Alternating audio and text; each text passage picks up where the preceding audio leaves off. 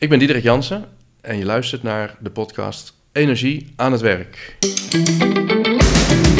Welkom bij je break. Inspiratie voor professionals. Motivatie voor je werk.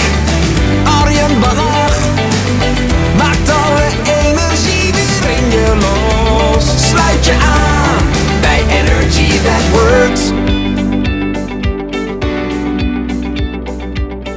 Leuk dat je er weer bij bent, een nieuwe aflevering van de podcast Energie aan het Werk.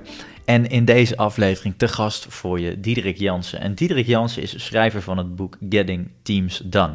En ook wel uh, gezegd het logische vervolg op Getting Things Done. En dat is een boek wat volgens mij iedereen wel kent. Maar hoe zorgen we er nou voor dat we in teams succesvol samenwerken?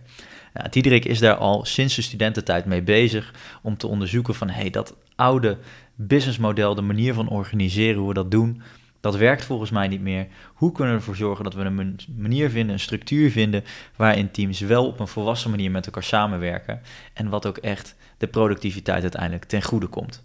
Nou, hij heeft er een boek over geschreven, hij heeft zijn eigen organisatie genaamd Energized.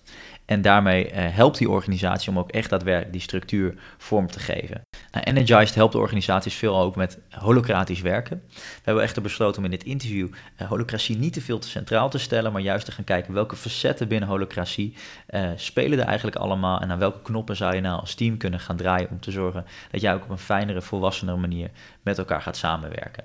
Om alvast een, een, klein tipje van de sluier op te lichten. Diederik heeft een hele mooie visie op spanningen. Spanningen in teams tussen collega's en hoe die eigenlijk vertrekenergie kunnen zijn om het werk een stukje beter in te richten. Dus dat is bijzonder interessant. En tot slot zou ik aan jou uh, willen vragen om uh, op zo'n manier te luisteren. Neem daar in de eigen, je eigen situatie van het team even mee. Kijk vooral, hey, welke spanningen hebben wij nou en hoe zou je die nu, met alle inzichten die Diederik deelt in deze podcast, hoe zou je die kunnen verhelpen en zorgen dat je dus uiteindelijk zelf ook op een iets volwassenere effectievere manier met elkaar gaat werken. En dan nog tot slot, uh, als je een reactie wil achterlaten op de podcast, of je geeft even een beoordeling, dan is dat heel goed voor de ranking. En dat zou ik ontzettend leuk vinden. Heb je vragen, suggesties, weet je nieuwe gasten, dan kan je me altijd bereiken op arjen.arjenbannach.nl. En dan nu het interview met Diederik Jansen.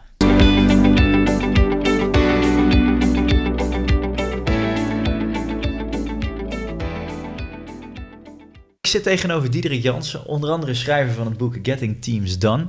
En uh, Diederik, mijn eerste vraag, jouw bekende vraag voor de luisteraars is: waar ben jij het meest trots op tot dusver in je werk? Meest trots op? Wauw. Um, ik denk eerlijk gezegd, als ik echt even de vraag nu beantwoord, van waar ik nu uithang, uh, dan ben ik het meest trots op, uh, op het clubje dat ik en mijn collega's hebben gebouwd, Energized. en specifiek eigenlijk hoe we voortdurend proberen om dat waar we in geloven uh, en dat waar we onze klanten ook mee willen helpen, om dat op onszelf uit te proberen. Uh, om uh, te experimenteren, soms wel moeizaam, soms wel pijnlijk. Maar onszelf de dingen aan te doen die we misschien op een dag ook onze klanten gaan aandoen. En heel erg voor onszelf te onderzoeken van wat betekent het nou om eigenlijk als volwassenen met elkaar te werken aan iets waar wij in geloven. En dat is makkelijk gezegd, maar dat is echt hartstikke moeilijk. Ja. ja. Mooi, want jullie zijn natuurlijk, uh, Energize is natuurlijk ook een prachtige gast al in de podcast Energie aan het Werk. Maar wat, wat doen jullie met Energized? Uh, wij begeleiden uh, organisaties bij zelforganisatie. Ja.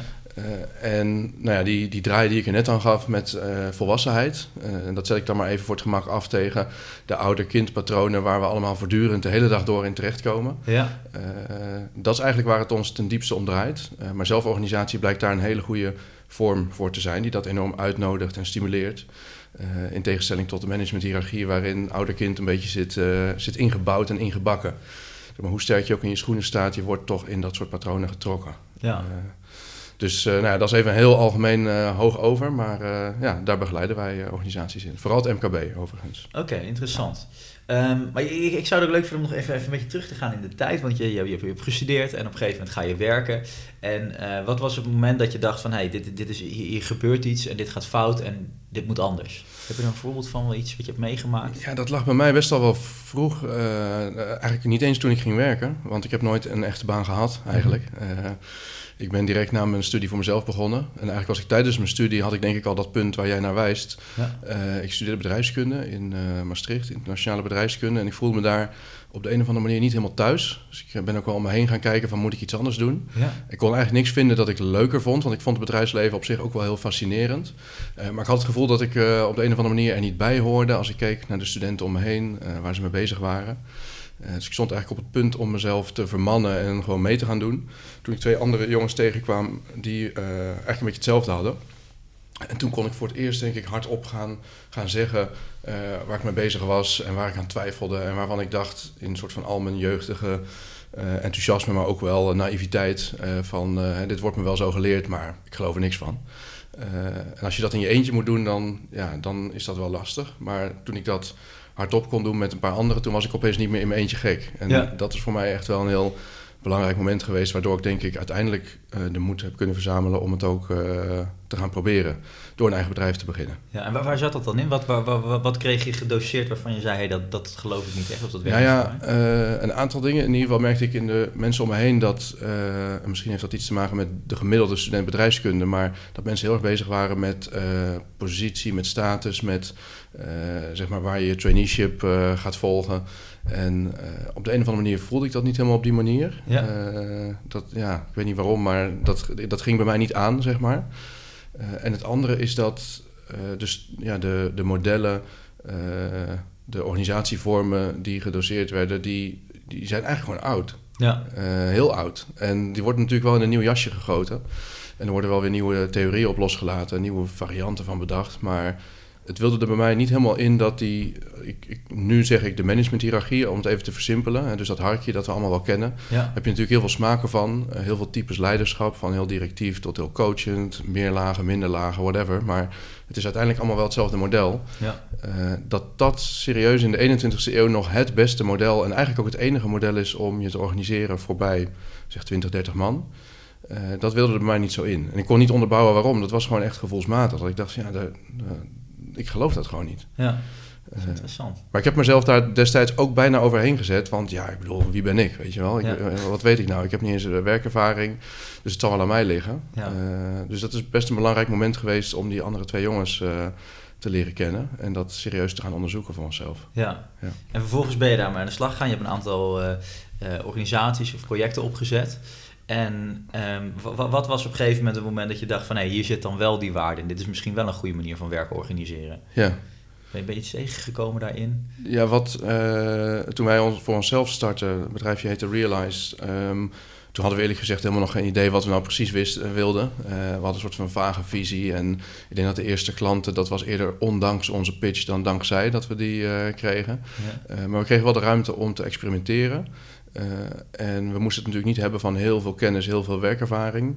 Eh, dus waar wij ons heel erg op richten was het, het in gesprek brengen van mensen in bedrijven eh, over waar doe je het ook alweer eigenlijk voor? Waarom ben je het bedrijf ooit gestart? Waarom ben je ooit komen werken? Wat is er leuk? Wat zijn je beste ervaringen? En proberen daar ingrediënten uit te halen voor verandering. Eh, de goede kant op. Terug naar de bedoeling misschien. Of eh, eh, terug naar die ervaringen van een team dat een keer fantastisch liep. En dat deden we een aantal jaar. En wat ik daar op een gegeven moment in tegenkwam... en dat begon ook echt te, te jeuken... is dat je mensen op zich op die manier prima in beweging kunt krijgen... en ook echt wel mooie veranderingen voor elkaar kunt krijgen. Maar het is wel heel vaak ondanks de structuur. Eh, en daar begon op een gegeven moment weer dat soort van oude ding te zeuren... van dan, eh, die managementhierarchie. Is dat nou echt de enige manier? Ja. Eh, want het was dan zo dat mensen, ja, bij wijze van spreken, opstonden en een project gingen trekken. Niet per se omdat dat hun functie was of omdat werd ze van, van ze werd verwacht, maar gewoon omdat ze ja, het licht hadden gezien en erin geloofden. Ja. En hadden ze voortdurend last van de structuur, last van besluitvorming, daar toestemming halen. Je, dit kan wel, dat kan niet. Ehm, dus toen begon dat weer een beetje te jeuken. Dat ik dacht van ja, op zich mooi en aardig wat we doen, maar eh, wat zou er gebeuren als die structuur op zijn minst niet in de weg zou zitten en liefst ook nog een beetje zou helpen bij eh, werk weer leuk maken en, en betekenisvol. Ja. Ja. want dat is uiteindelijk mogelijk. Je hebt hier een boek over geschreven, eh, Getting Teams Done. En, want je bent op zoek gegaan naar hoe dat dan uiteindelijk kon. En hebt ook allemaal facetten daarvan kunnen, bij elkaar kunnen rapen, als het ware. En Ja. die zitten hier nu in. Dat- Ja, ja. Klopt, ja. Nee, we hebben heel erg voortgeborduurd op uh, wat er al was. En uh, ik heb wat dat betreft niet het idee dat wij nou uh, het wiel opnieuw moesten gaan uitvinden. Ja. maar we zijn wel inderdaad heel erg gaan, ja, gaan, gaan rondkijken en, en inspiratie opdoen bij andere organisaties, ook in het buitenland. en ja, het specifieke thema zelforganisatie sprong er voor mij op een gegeven moment wel uit. Dus mensen ruimte geven voor hun eigen vakmanschap, autonomie, keuzes maken. Uh, besluiten nemen. Dat, dat waren dingen waarvan ik al heel snel het idee had van ja, dat is logisch. Dat dat een belangrijke plek krijgt in zo'n manier van werken. En dat, dat, dat hoe je, hoe je zo'n structuur ook inricht, dat dat in ieder geval centraal moet staan. Ja, een vorm van zelforganisatie. Uh, vraag je daarover, wat me dan even te binnen schiet, is dat niet iedereen uh, is enthousiast over zelforganisatie of denkt dan van hé, hey, want als ik het jou zou zeggen, denk ik ja, dat is logisch. Natuurlijk, iedereen moet het zo werk zo gaan inrichten. Maar toch is niet iedereen daar even enthousiast over nee, Nee, nou ja, ik denk een paar redenen. Ten eerste, het is super moeilijk. Ja. Uh, gewoon, het, het, is zoveel makkelijker. En dan spreek ik ook voor mezelf. Er zijn dagen waarin ik zo graag zou willen dat er iemand is naar wie ik kan kijken. Uh, en bij wie ik iets even op het bordje kan leggen. Ja. Uh, dus het is soms gewoon zwaar en vermoeiend en ingewikkeld om dat of zelf of met elkaar in een team te dragen gewoon. Ja. en niet af en toe dat op, bij iemand anders neer te kunnen leggen. Uh, dus het is moeilijk en het gaat ook heel vaak mis. Uh, dus de term zelforganisatie of ook zelfsturing, dat is denk ik niet helemaal hetzelfde, maar dat wordt veel door elkaar gebruikt. Ja. Uh, dat um, mislukt ook gewoon heel vaak, om allerlei redenen. En wordt ook heel vaak binnen de context van een managementhierarchie worden dan zelfsturende teams bijvoorbeeld ingericht. Terwijl er wel ook nog steeds een managementteam of een directie is. Ja. Dus er zijn ook allerlei uh, soort van hybride varianten. En ik denk dat dat ingewikkeld is. Dat je dan vaak uiteindelijk zeg maar de nadelen van beide waarschijnlijk ervaart in plaats van de voordelen. Ja dus nou ja, misschien is dat één element. Uh, en is ook een reden waarom wij nog steeds voortdurend op onszelf aan het oefenen zijn en aan het ontdekken zijn van ja, hoe doe je dat nou? Want uh, het, ik, het laatste wat ik zou willen zeggen is dat het inderdaad simpel is en dat wij precies weten hoe het moet en uh, huur ons in en dan fixen we het. Ja. Nee, was het maar waar. Zo simpel is het niet. Maar goed, dat zou eigenlijk ook helemaal niet echt, dat zou ook wel saai zijn misschien. Ja, maar ik denk dat iedereen, en ieder wel denkt, een mens professional, die zal in ieder geval wel erkennen van ja, als je een getalenteerd, uh, getalenteerde professional heeft die ergens passie voor heeft, dat je die inderdaad zoveel mogelijk vrij moet laten over hoe het werk uit te voeren. Uh, dat zorgt natuurlijk voor de meeste energie uiteindelijk. Ja. Hey, en, je bent onderzoek gaan doen, hè? je bent gaan kijken in het buitenland. Um, wat, wat waren vervolgens de essentials een beetje die je tegenkwam? Wat, wat maakt nou een goed team? Ja, uh, nou, een van de dingen die wel voor mij vrij snel duidelijk werd, is dat je kunt niet zomaar de managementhierarchie uh, overboord gooien en, uh, dan, en dan komt het wel goed. Zeg maar, je moet wel iets hebben voor, uh, dat je echt voor in de plaats kunt zetten. Mm -hmm. en ik ja, had zelf wel de overtuiging dat dat waarschijnlijk minstens zoveel structuur en discipline zou moeten kennen dan, de, dan die hiërarchie. dus ik geloof niet zo heel erg in zelforganisatie als in een soort creatieve chaos. Kijk maar wat je, waar je zin in hebt. Uh, kijk maar of je op je werk komt vandaag. Uh, zie maar. Weet je, en ik merk ook dat een paar jaar geleden was dat nog wel een beeld dat ik veel tegenkwam. Ja. Uh, dat begint wel minder te worden, dus dat is op zich wel positief. Maar ik denk dat dat een hele onvolwassen vorm van, van zelforganisatie of zelfsturing is. Mooi, mooi zinnetje wat ik tegenkom in het boek is... de chaos is niet schaalbaar. Ja, precies. Ja, ja want op zich, het, het, het, wat ik zeg klopt ook niet helemaal. Het werkt op zich wel, tot op inderdaad een bepaalde grens. Ja. De start-ups, die gedijen daar gigantisch bij. Ja. En het past ook goed bij die fase, omdat die... Uh, nog voortdurend aan het experimenteren en zoeken zijn naar wat werkt ja. uh, en wat gaan we doen. Maar als je dat op een gegeven moment gevonden hebt en je hebt uh, zeg maar die klik met een, met een doelgroep gevonden en het begint te groeien, dan loop je wel heel snel tegen de grenzen aan. En dat is ook wel iets wat ik geleerd heb. structuur, structuren ontstaan. Zeg maar, of je er nou voor kiest of niet, die ontstaan gewoon onder je neus. Dus het kan ook zo simpel zijn als dat je op een gegeven moment z'n vijftiende bent en mensen voortdurend aan jouw bureau staan als oprichter. En dat je dan zegt, nou vraag dat even aan Piet, want die werkt hier ook al een paar jaar en die weet dat ook wel. Het is niet alsof je nu net opeens hebt bedacht, ik ga een managementhierarchie inrichten. Maar je hebt eigenlijk wel het eerste stapje op dat pad gezet. Ja.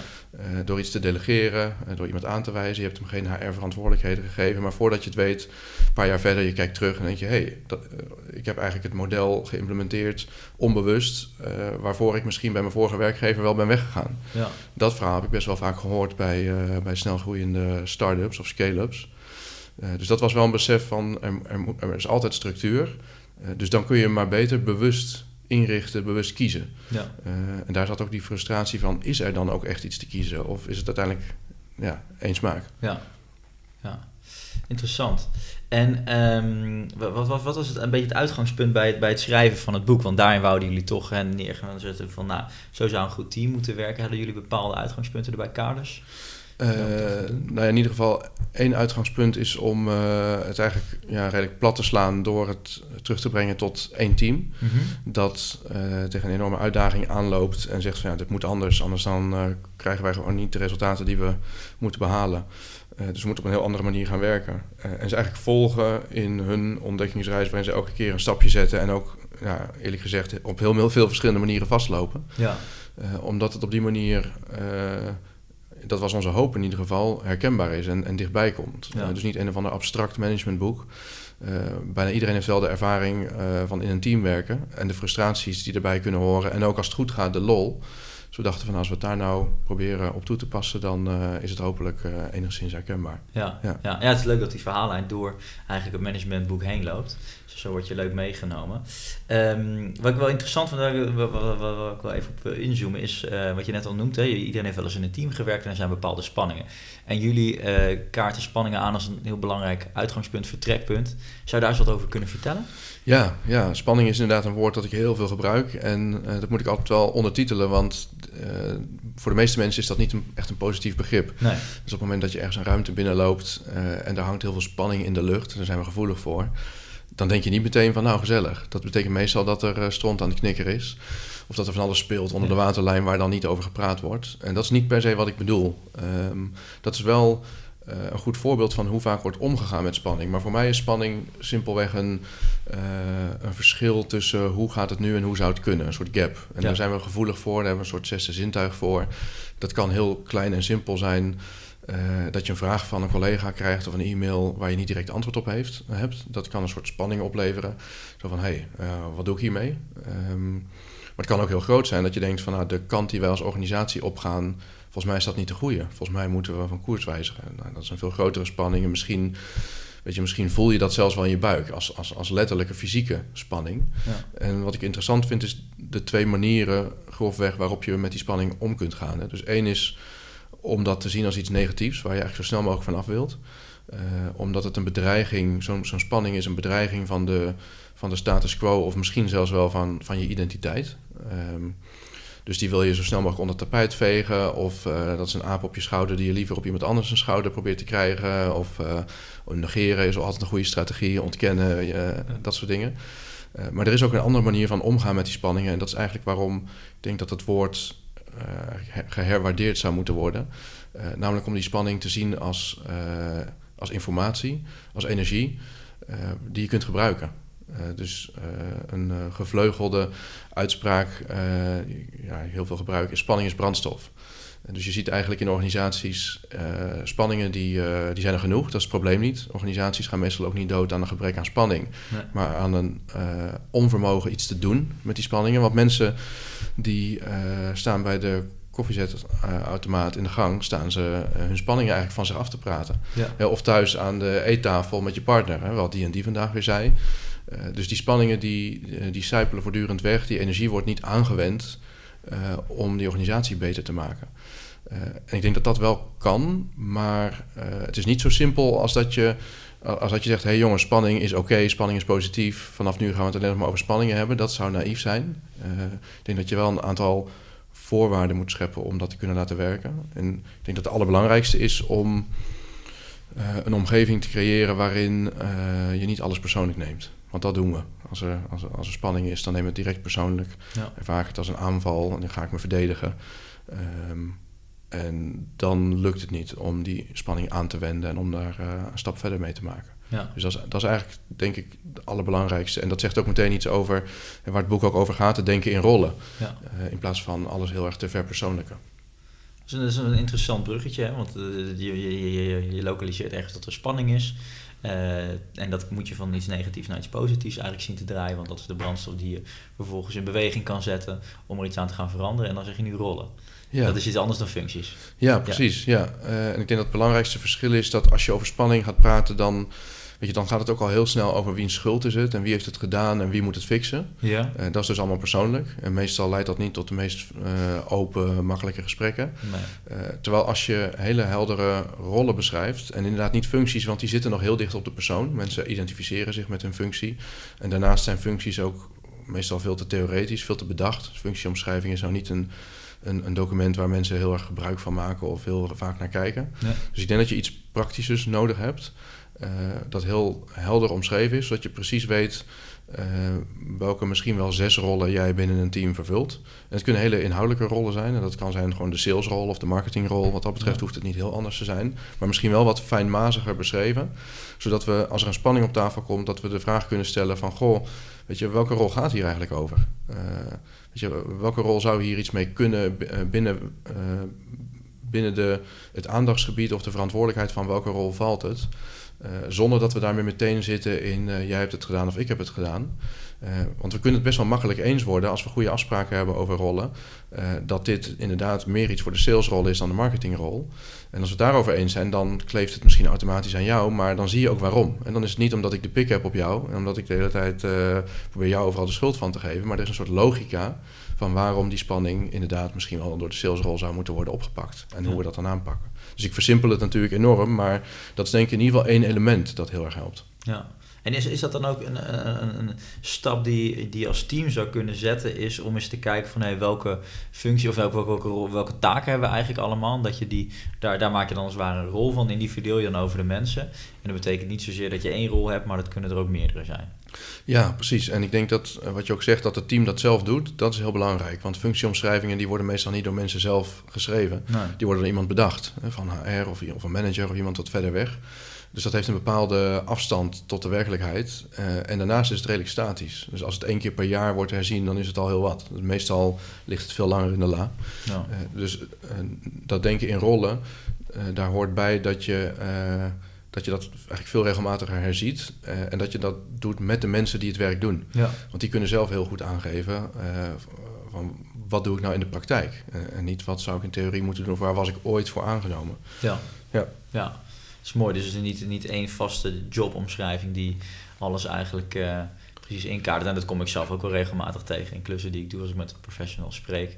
Dat, eh, dat men het inderdaad vervelend vindt. Ja, er komt iets op mijn bordje en dat past eigenlijk niet bij me. Maar dat heb je niet meer als je inderdaad duidelijk in rollen gaat werken. Nee, en dan kun je ook als team kun je met elkaar eh, concluderen dat er iets is wat steeds terugkomt, niet goed geregeld is in ons team.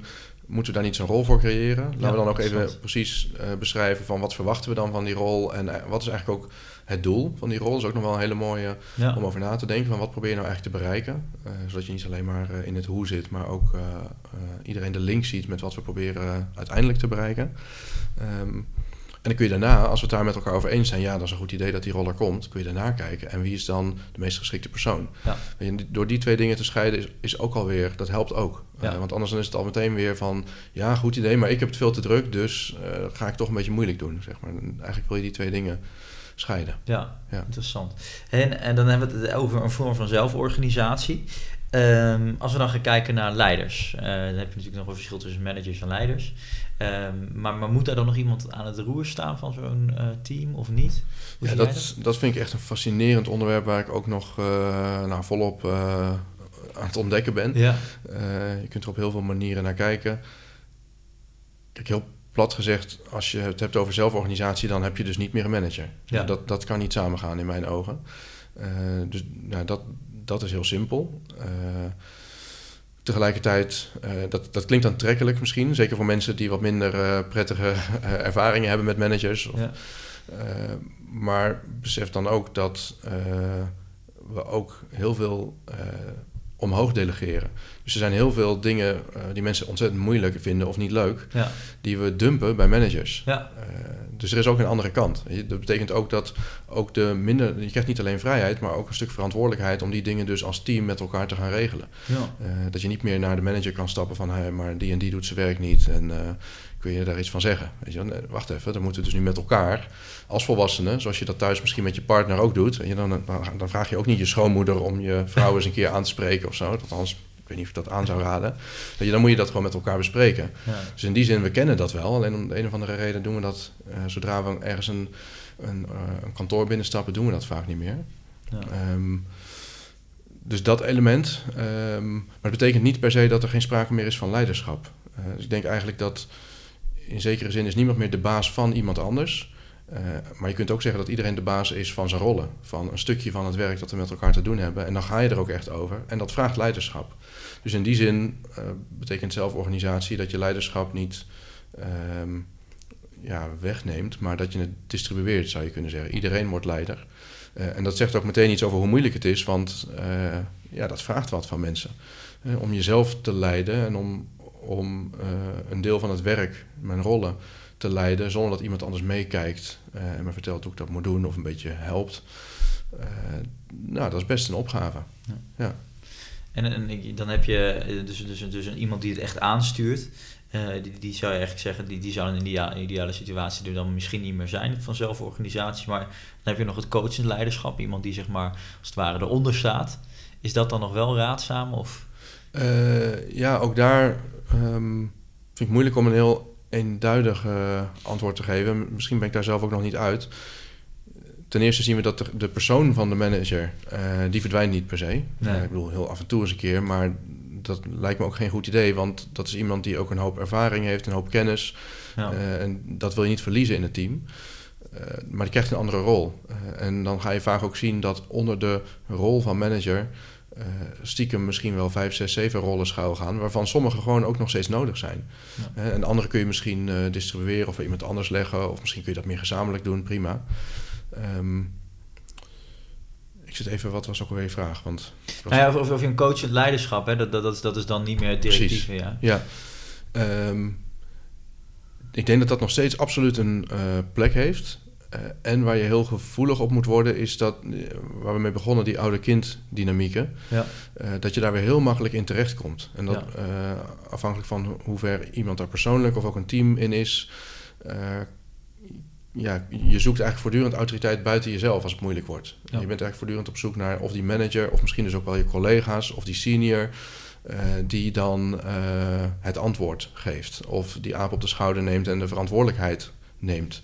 Of in ieder geval gezamenlijk. En uh, daar moet je denk ik met elkaar dan heel waakzaam op zijn. Dat er dus niet alsnog weer een soort nieuwe manager ontstaat en opstaat, die we niet zo noemen, maar die in de praktijk toch eigenlijk heel sturend is uh, in het team. Ja. En dat kan dus dat kan van een persoon uitgaan, omdat hij heel dominant is, maar dat kan net zo goed, en dat heb ik ook vaak gezien, van het team uitgaan. Uh, en die kant wordt denk ik ook wel eens vergeten. Ja. Um, dus dat moet je echt met elkaar doorbreken. En daarbij helpt nou ja, ook weer die taal van rollen, uh, omdat je daarmee heel ja, een heel hoog rolbewustzijn kunt gaan creëren. Door bijvoorbeeld de vraag te stellen van... hé, hey, jij roept hier nu wat over. Maar vanuit welke rol zeg je dat eigenlijk? Want even van afstandje, je hebt volgens mij vijf, zes rollen. Ik zie even niet hoe jij hier iets van vindt, zeg maar. Dus, en misschien dat jij dan verheldert van, nou ja, klopt, eigenlijk vanuit mijn rollen heb ik hier ook helemaal niks mee te maken. Het is meer gewoon uh, uh, een mening, een ja. idee. En die is nog steeds welkom. Ja. Dus het is niet dat dat niet meer mag. Maar dan wordt wel ook het verschil duidelijk dat, dat aan jouw uitspraak dus niet autoriteit kleeft. Het is niet zo dat jij erover gaat. Het is meer, veel meer van, uh, goh, neem dit mee. En dan laat je het los en laat je mij mijn rol weer leiden. En dat is wel, dat noem ik dan voor het gemak maar even volwassen gedrag. Maar dat is eigenlijk het allermoeilijkste. Niet alleen maar je eigen rollen pakken, maar ook je collega's toestaan om hun rollen te pakken. Zonder de hele tijd over hun schouder mee te kijken. Ja, ja ik voel die wel inderdaad. Want je, je, wat, je, wat we net ook wel even aanhaalden, is dat het vaak heel persoonlijk wordt. Of men het zich in ieder geval persoonlijk aantrekt. En zo kan je echt, echt even ja, een pet opzetten van vanuit deze rol zeg ik dat en maak ik me hier, hier zorgen over. Of vind ik dit en dit heel goed juist. En dan wordt het ook veel duidelijker uh, vanuit welke intentie bepaalde dingen op tafel leggen. Ja, ja. ja. ja. dat, is een, dat is een hele interessante. Um, uh, het, het, het, stukje vrijheid, vertrouwen en verantwoordelijkheid, dat is natuurlijk iets wat heel erg terugkomt. Um, maar dat moet ook echt gegeven worden. Dat is een beetje de, de belangrijkste voorwaarde om zo te kunnen ja. werken. Um, en dat is altijd iets wat ja, toch in, in organisaties die een stap willen zetten hierin, nog wel van bovenaf moet komen eigenlijk. Ja.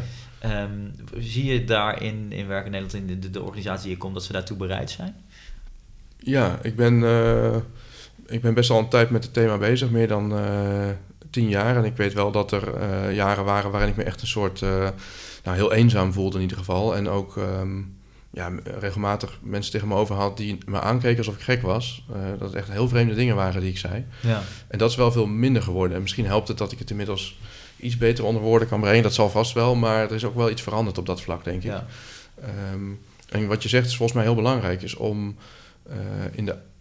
Kijk, waar we het nu over hebben is een soort stip aan de horizon waar je naartoe kunt bewegen, maar eh, dat is meestal niet waar je vandaan komt. Waar Nee. je nu bent is heel anders en waar je nu bent moet je dan ook denk ik heel eerlijk met elkaar over zijn dat de, eh, de macht om de organisatie in te richten, eh, die is niet gedistribueerd, die ligt niet bij iedereen, die ligt bij eh, één persoon of een klein groepje mensen, aandeelhouders, een MT, een directie, wat dan ook.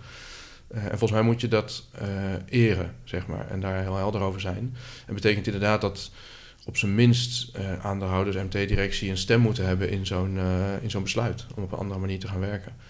Eh, en, en dat vind ik nog wel dat vaak vergeten wordt, ook in de spiegel moeten kijken van wat betekent het dan voor ons? Want ik vind, als je zegt van nou we gaan in zelfsturende teams werken, ehm, dus teams, jullie zijn nu zelfsturend, gefeliciteerd en succes. En dan zelf eigenlijk doorgaan als directie of als MT, ja, dat is een beetje vreemd eigenlijk. Dan, eh, dan maak je niet echt een hele duidelijke keuze. Wat, wat, wat blijft dan je rol ten opzichte van die teams? Heb ik dan nog wel iets te zeggen over wat jullie doen? Of zijn jullie volledig zelfsturend en niet? En als dat zo is, ja, waarom krijg ik dan nog salaris betaald? Je, dus dan moet je volgens mij die stap ook zetten. Ja. Eh, je zegt, we kiezen er bewust voor. En dat betekent ook dat wij een heel andere rol krijgen. Eh, maar dat betekent niet per se dat je op hoeft te stappen. Want volgens mij is er nog belangrijk werk te doen om te zorgen dat je niet alleen maar een verzamelingje teams bent, maar dat je ook echt een organisatie bent met een eh, eenduidige richting en eh, eh, ja, waarin we ook echt samenwerken, ook over teams heen. Ja, want dat is natuurlijk het belangrijkste vertrekpunt. Dat heb je op teamniveau, maar ook op organisatieniveau is dat vergezicht van waar willen we heen.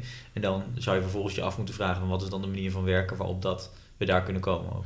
Ja, Ja. ja. en de kaders scheppen waarbinnen dan een ja, zelfsturend, dat, daar, heb ik dan, dat, dat, daar geloof ik dan weer ietsjes minder in. Eh, maar in ieder geval zelforganiserend is dan een term die ik liever gebruik. Ja. Eh, want er zijn dan wel degelijk kaders. Ja. Eh, dus het betekent ook niet dat het marketingteam van de een op de andere dag kan besluiten, zelfsturend, van marketing is saai. We gaan heel wat anders doen, we gaan een pindakaaswinkeltje starten. Weet je, ja, dat, dat, dat, doet, dat is schadelijk voor de organisatie. Dus volgens mij moet je niet zo ver gaan. Er zijn wel kaders en de organisatie verwacht bepaalde dingen van zo'n marketingteam. Eh, maar die hou je wel op hoog niveau. Eh, die geef je ze mee en vervolgens laat je ze volledig vrij in hoe ze dat organiseren, welke rollen ze creëren. Daar moet je je dan ook niet tegenaan gaan bemoeien. Nee. Maar de, voor mij zit daar wel een beetje de crux. Dus, ja, hoe zorg je dan dat je ook echt daadwerkelijk goede kaders schept, waarin aan de ene kant je toch zorgt dat je, dat, dat, dat, dat je, dat je gaat werken aan die droom, die missie van die organisatie, maar dat je inderdaad die vrijheid, verantwoordelijkheid, vertrouwen, dat je die wel een beetje borgt. Ja, Hoe, hoe werkt dat dan met, in, binnen een organisatie die kaders opstellen? Heb je daar ja ehm, ik denk twee dingen die eh, volgens mij heel belangrijk zijn. Eén is een gezamenlijke taal. Dus dat kan niet zo zijn dat je dat in verschillende afdelingen, verschillende teams allemaal op je eigen manier gaat zitten doen, die kaders verhelderen. Dus Ja. waar is een team nou van? Ja, daar kun je twee pagina's over schrijven, dat kun je in één zin doen, maar volgens mij moet dat, daar moet je een gezamenlijke taal voor hebben. ja? een syntax bijna. En het andere is dat je dat vooral, je moet vooral niet de illusie hebben dat je dat kunt ontwerpen op één moment in de tijd Eh, en dat het dan klaar is. Ja. Dus dat is een continu proces.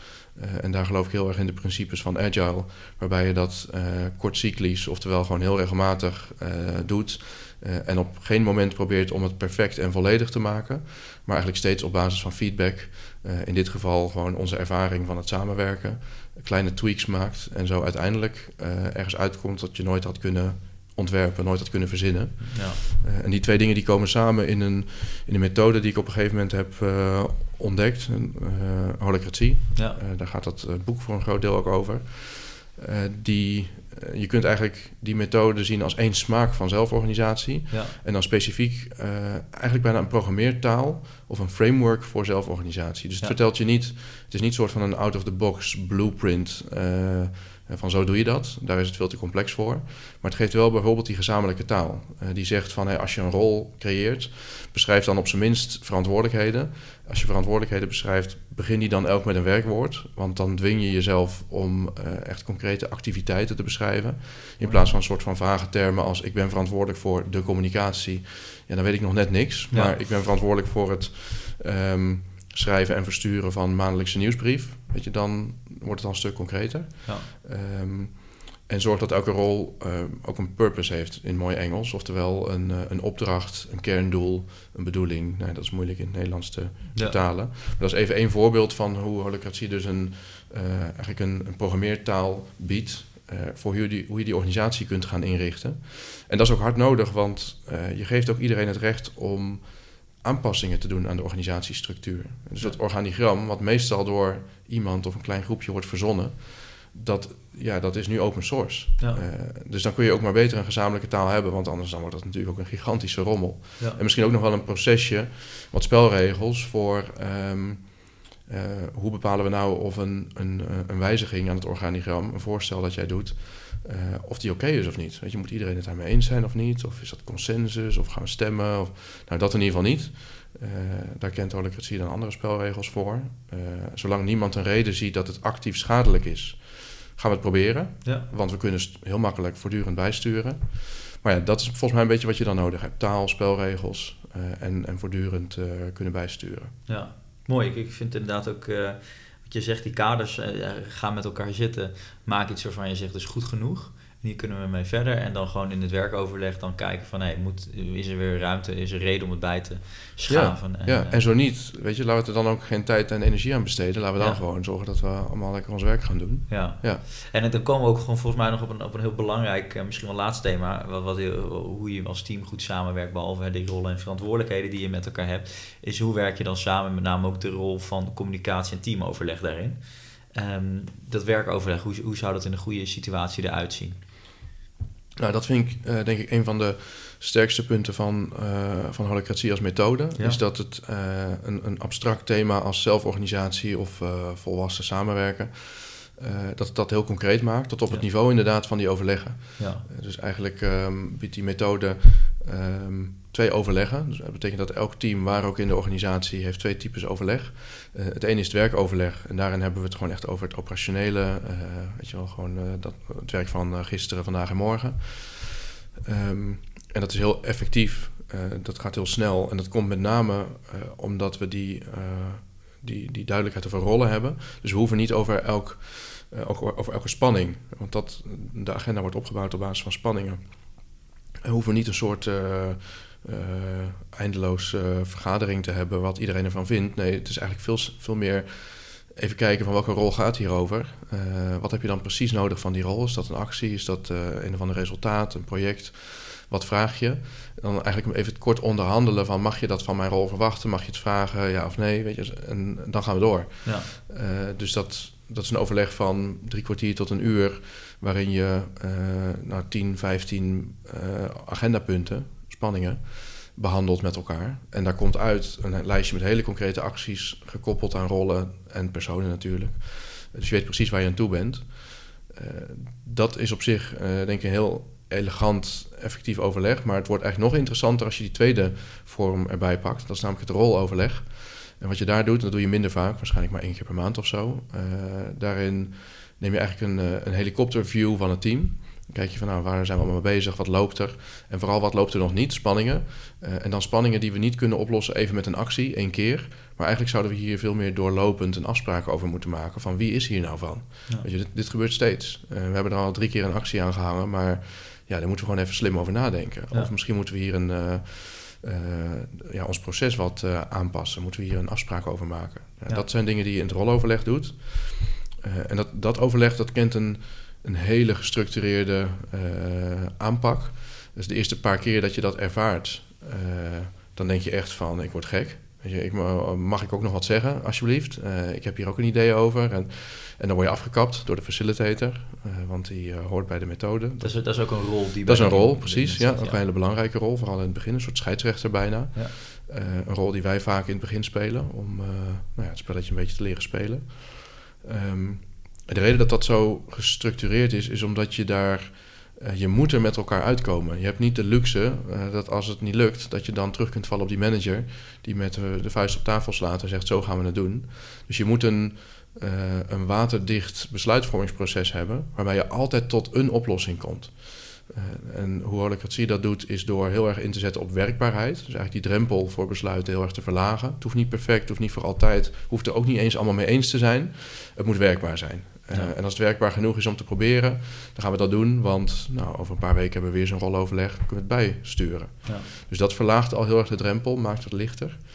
Um, maar je wordt ook gevraagd om echt uh, met argumenten te komen. Dus op het moment dat iemand iets voorstelt, wat je niet leuk vindt, dan is dat op zich prima. Je krijgt ook wel even de ruimte om daar iets over te roepen. Weet je wel, van ik vind het echt een stom idee, whatever. Uh, maar als we dan het besluit gaan nemen, dan moet je toch echt ook met een argument komen waarom dat voorstel schadelijk is voor een van jouw rollen. Ja. En dat maakt de discussie heel inhoudelijk, ook heel zuiver.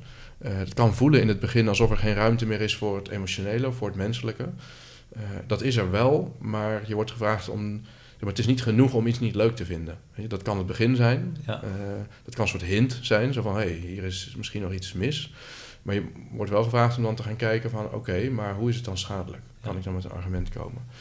Uh, en nou ja, je hebt in het slechtste geval uh, kom je er niet uit. En dan moet je een paar weken wachten. En dan heb je gezien hoe het niet werkt. Ja. En dan stuur je bij. Weet je? Dus in die zin niet zo dramatisch. Ja is interessant. En um, uh, iets wat me dan te binnen schiet. Je bent dan aan het overleggen, maar niet alles valt ook op te lossen binnen het team. Laten we bijvoorbeeld hebben over technische ondersteuning in een organisatie.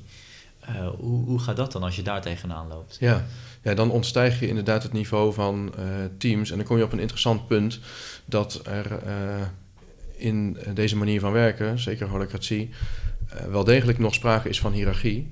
Alleen het is niet meer een hiërarchie van, van mensen en van macht. Het is veel meer een hiërarchie van doelen ja. of van purpose. Dus die cirkels die, die, die staan niet los van elkaar. Die zijn met elkaar georganiseerd in een grotere cirkel. Nou, misschien is dat de afdeling. En die is met elkaar um, weer georganiseerd in een organisatiecirkel. En tussen die cirkels vindt steeds een soort koppeling en een vertegenwoordiging plaats. Uh, zodat je inderdaad uh, die dingen die buiten de grenzen van je eigen cirkel vallen... en die je dus niet zelf organiserend met elkaar kunt oplossen... Dat je wel een manier hebt om zo'n spanning op het bordje van de juiste cirkel... en de juiste rol ergens anders in de organisatie te krijgen... zodat het daar opgelost kan worden. Ja, want anders loop je inderdaad vast. En dat is precies denk ik ook het verschil tussen zelfsturing en zelforganisatie. Bij zelfsturing zou het gewoon allemaal losse teams zijn... Ja, en dan is er niet echt een afstemmingsmechanisme over teams heen. Ja. Uh, en dat heb je hier dus wel. Ja. Uh, maar niet één die hangt aan, uh, aan managers.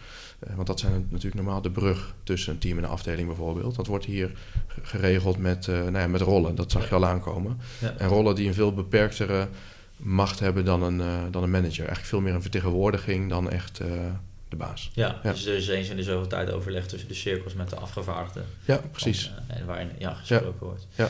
En, en hoe, ehm, want ik kan me voorstellen dat, eh, dat, dat er dan een manager is, misschien iemand die nu zit te luisteren, leidinggever, die zegt, nou, misschien moeten we wel eens gaan kijken of we kunnen gaan werken met de rollen. Dat lijkt me dan de logische eerste stap. Hè, om dat dus op, eh, op, op papier te zetten, dan de kaders aan te geven. Maar dan is de rest van de organisatie werkt nog niet in een cirkel. Hoe, Nee, hoe- klopt, Hoe, ja. zet je zoiets dan een beetje in beweging? Ja, ehm, ja, ik heb daar eh, eigenlijk een beetje, eh, zoals wel met meer onderwerpen, mixed feelings over. Eh, Ja. Enerzijds, volgens mij moet je dat gewoon doen. Want gewoon gaan experimenteren, dat is de enige manier waarop je erachter komt of het werkt, hoe het werkt.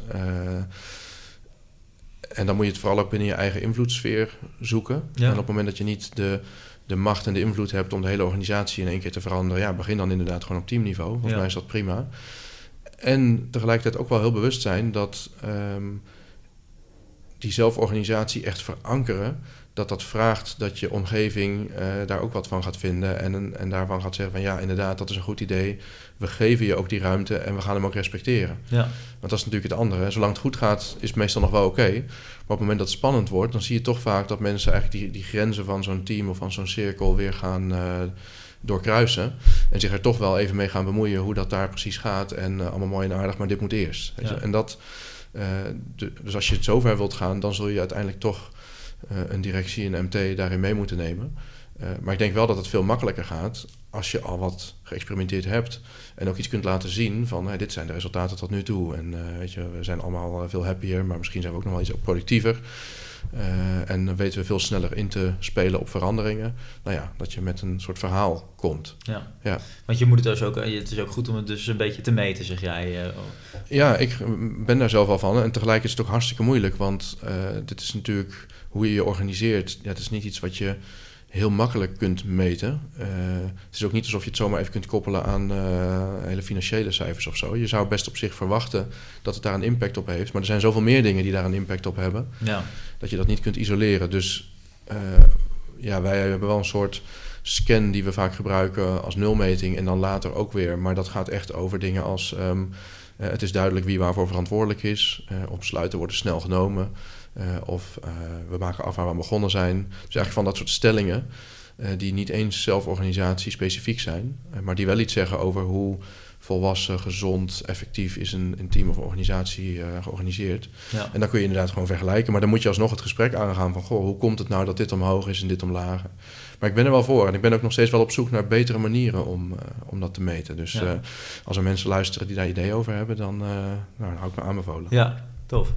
Um, iets wat ik ook had opgeschreven van tevoren is... wat je natuurlijk veel ziet in teams... is dat er hier en daar toch wat mensen zitten die... Um, ja, dat, noemen we dan heel oneerbiedig rotte appels. En mensen die gewoon niet meer zo in de vooruit zitten eh, met de hak in het zand.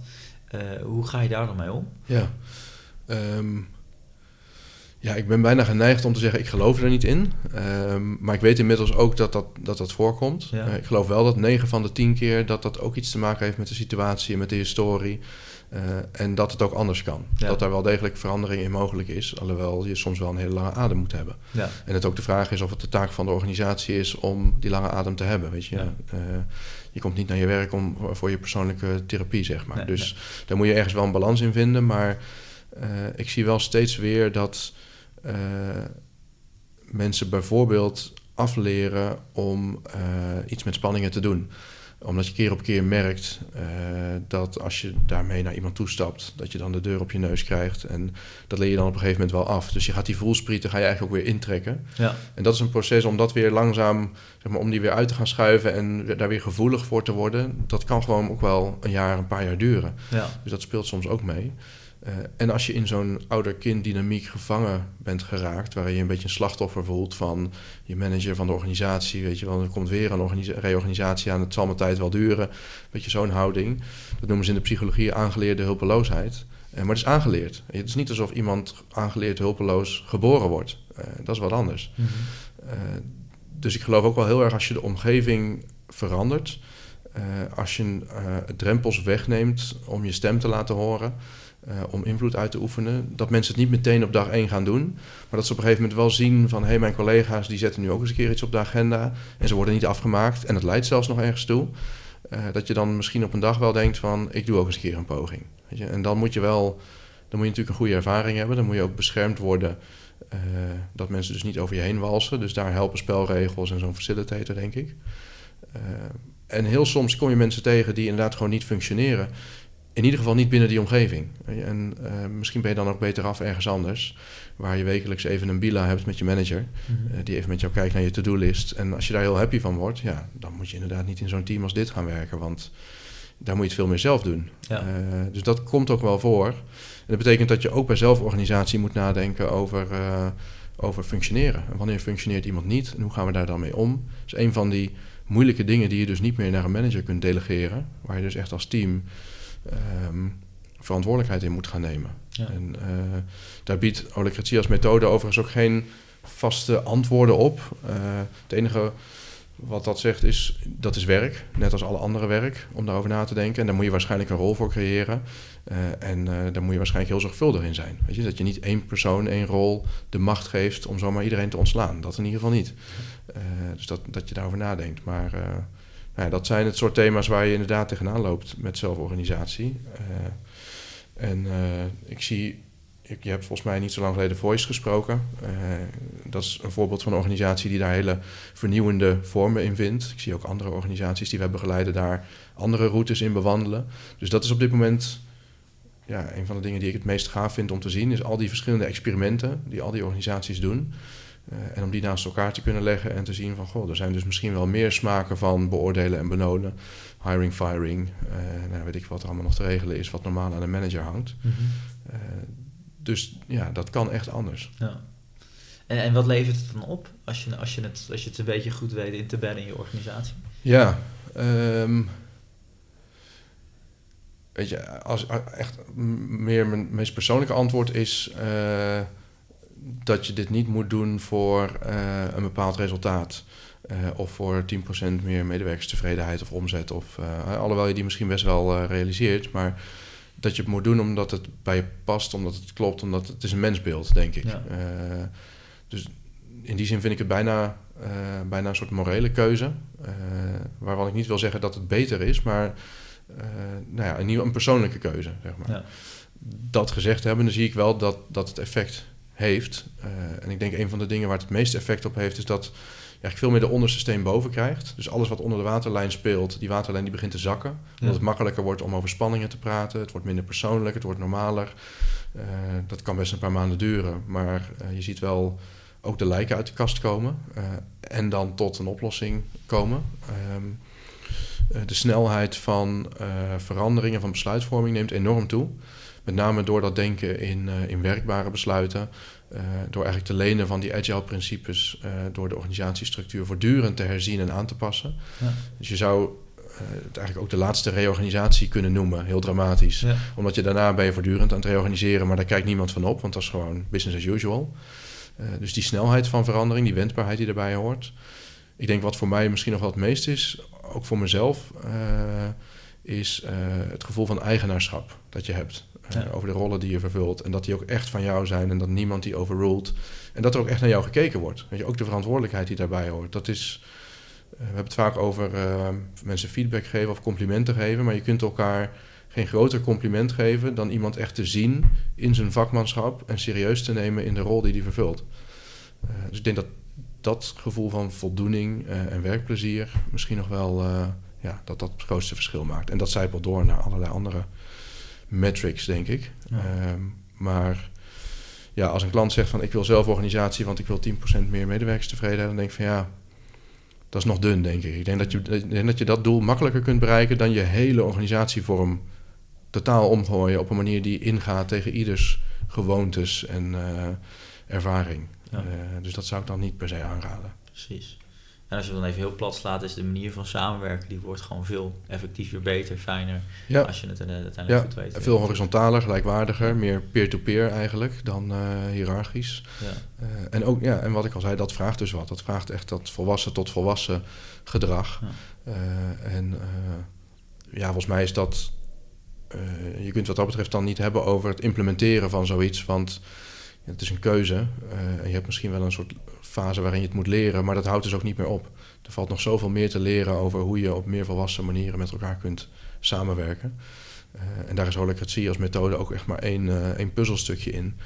Ik denk dat er nog heel andere elementen zijn die daar helemaal niet door geraakt worden. Ja. Uh, bijvoorbeeld ook het persoonlijke element. Weet je, van, ik heb dan wel die rol gekregen in holacratie en ik heb dan officieel de autoriteit om deze besluiten te nemen, maar ik durf het gewoon niet. Ik vind het echt doodeng. Weet je, ik ben, ben, bang dat ik helemaal afgemaakt word als ik het doe. En dus dat persoonlijke element, ja, dat, dat wordt helemaal niet geraakt. Uh, daar moet je volgens mij ook aandacht voor hebben. Ja, interessant.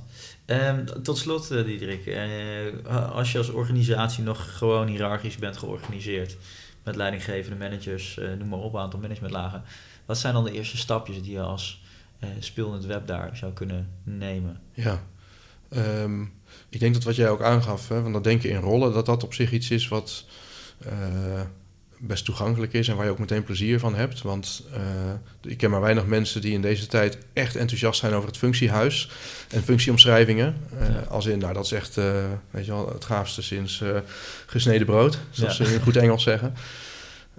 Um, dus dat is een voor de hand liggende. Ik merk ook dat zelfs het introduceren van die term spanning, als je dan maar heel duidelijk maakt dat dat bedoeld is een neutrale term. Hè. Je hoeft er ook niet, het hoeft ook niet positief te zijn, maar het is oké okay om over spanningen te praten.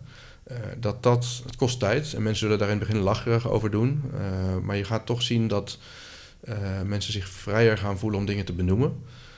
zonder ook, het is misschien feitelijk feedback die ze geven, maar ze registreren het niet als ik geef jou nu feedback. Het is veel meer ik benoem een spanning die ik zie. en die heeft toevallig impact op een van jouw rollen. Weet je, dus dat is een element wat denk ik heel erg helpt.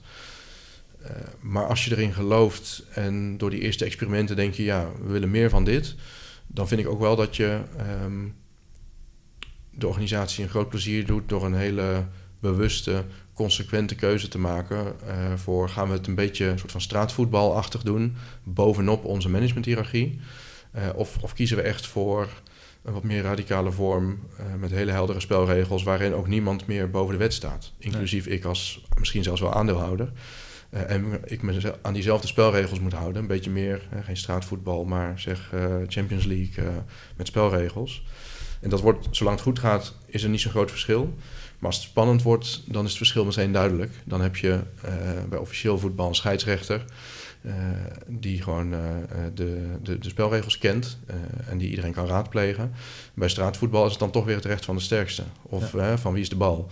Nou ja, en je weet wie dat in de organisatie is. Dat zijn de directie, de aandeelhouders. Ook al zijn het dan op papier de voormalig directeur, weet je wel. of die heeft misschien een andere fancy naam gekregen. Ja, iedereen weet wel dat uiteindelijk jouw wil is wet. Ja. Dus dat, dus als je, als je hier echt voor wil gaan, dan raad ik wel aan om dan geen straatvoetbal te spelen, maar dan echt uh, een consequente, bewuste keuze te maken. Ja, ja, ja. mooi. Dan uh, tot slot nog een paar korte vragen aan jou als, als professional, als persoon, als denker op dit gebied. Uh, allereerst, wie is jouw grootste inspiratiebron? Grootste inspiratiebron? Ja, um, ja dat is een goeie. Nou, iemand van wie ik de boeken best al een hele tijd heb, geleden heb gelezen, maar die me nog erg bijblijven, is een Amerikaan van Argentijnse afkomst, heet Fred Kaufman. Kaufman met een K.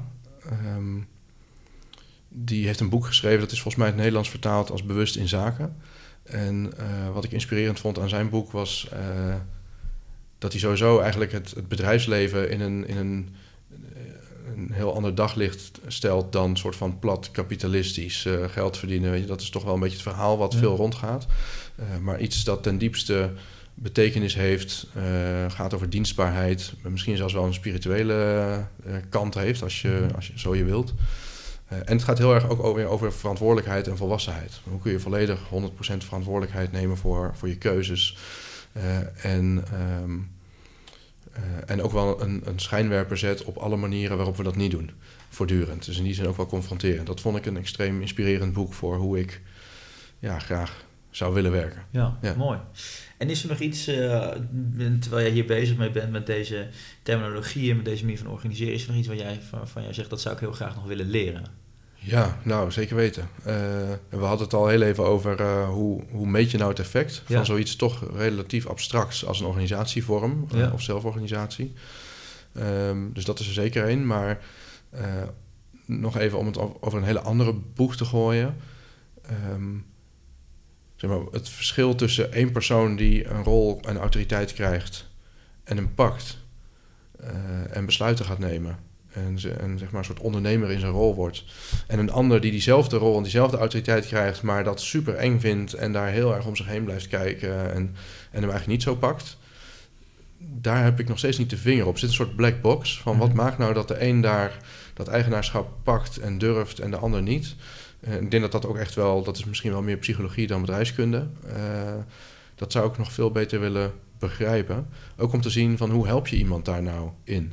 Want het is niet een kwestie van uh, een soort van cheerleader van... Uh, nou, je hebt de rol, dus pak hem, hè. Succes, weet je wel. Dat, dat gaat verder. er zitten ook, denk ik, angsten onder. En, dus wat betekent volwassenheid op een persoonlijk en ook wel interpersoonlijk niveau? Wat betekent het voor ons om als volwassenen samen te werken? dat is iets wat we al aan het onderzoeken zijn. Um, ook onderling als team. Dat voelt soms als groepstherapie, dat gaat best wel ver. Maar dat zou ik nog veel beter willen begrijpen. Ja, ja. Snap ik, ja. Mooi. En tot, tot slot, de allerlaatste vraag. De belangrijkste sleutel voor energie op het werk? Oh, dat is een mooie vraag. zeker inderdaad gezien onze naam Energized... Ja. Uh, zou ik daar een goed antwoord op moeten hebben. Um, ja, eigenlijk het eerste wat in me opkomt is... Um, dat die uh, die energie die is voortdurend voorhanden, uh, die is er al, in de vorm van spanningen. Uh, dus dat idee van spanning is brandstof. Dus eigenlijk het enige wat je hoeft te doen is je ogen te openen. En dan blijkt dat er een onuitputtelijke bron van energie is. namelijk dat je voortdurend dingen ziet die beter kunnen, die anders kunnen, die niet zo zijn als je denkt dat ze zouden kunnen zijn. Ja. en dat in die zeg maar, in die spanning die je dan ervaart, dat daarin ook eigenlijk al de energie zit besloten om in beweging te komen en er iets aan te doen. Dus dat is misschien ook wel een heel vaag antwoord, maar ik geloof er wel echt in dat het voelt namelijk anders. Het voelt anders wanneer ik mijn, mijn energie erin moet steken, een soort van duwen, trekken. Uh, aan het eind van de dag ben ik kapot, versus uh, ja, dat je ook bijna een soort instrument wordt van de rollen die je vervult, de spanningen waar je mee werkt. Ja, goed, het wordt, het wordt er niet bepaald concreter op, het blijft vaag, maar... Ehm, je zou in ieder geval misschien gewoon op de agenda, hè, als, je, als je het heel simpel wil zeggen, gewoon agenda punt 7, spanningen. En ja. gooi het dus op tafel. Wat nou ja, precies. Ja, dank. Dat helpt om het concreet te maken. Ja. Uh, dat zou inderdaad, uh, dat, dat is eigenlijk waar ik het over heb. Dus inderdaad om niet de agenda op te bouwen op basis van onderwerpen waar we het als team met z'n allen over gaan hebben en iedereen zijn plasje over moet doen. Uh, nee, agenda punt 1 is een spanning van mij. Agenda punt 2 is een spanning van jou. En de vraag is steeds, wat heb ik nodig? Wat heb jij nodig? Uh, en we gaan pas door als we hebben gecheckt van heb je nu ook wat je nodig hebt. En niet als de rest er ook nog even wat van wil zeggen. Nee, heb jij wat jij nodig hebt. Ja. Dat vind ik een hele mooie. Tof. Nou, dan sluiten we daarmee af. Diederik, mag je hartstikke bedanken. Ja, zeker. Was leuk. Dankjewel.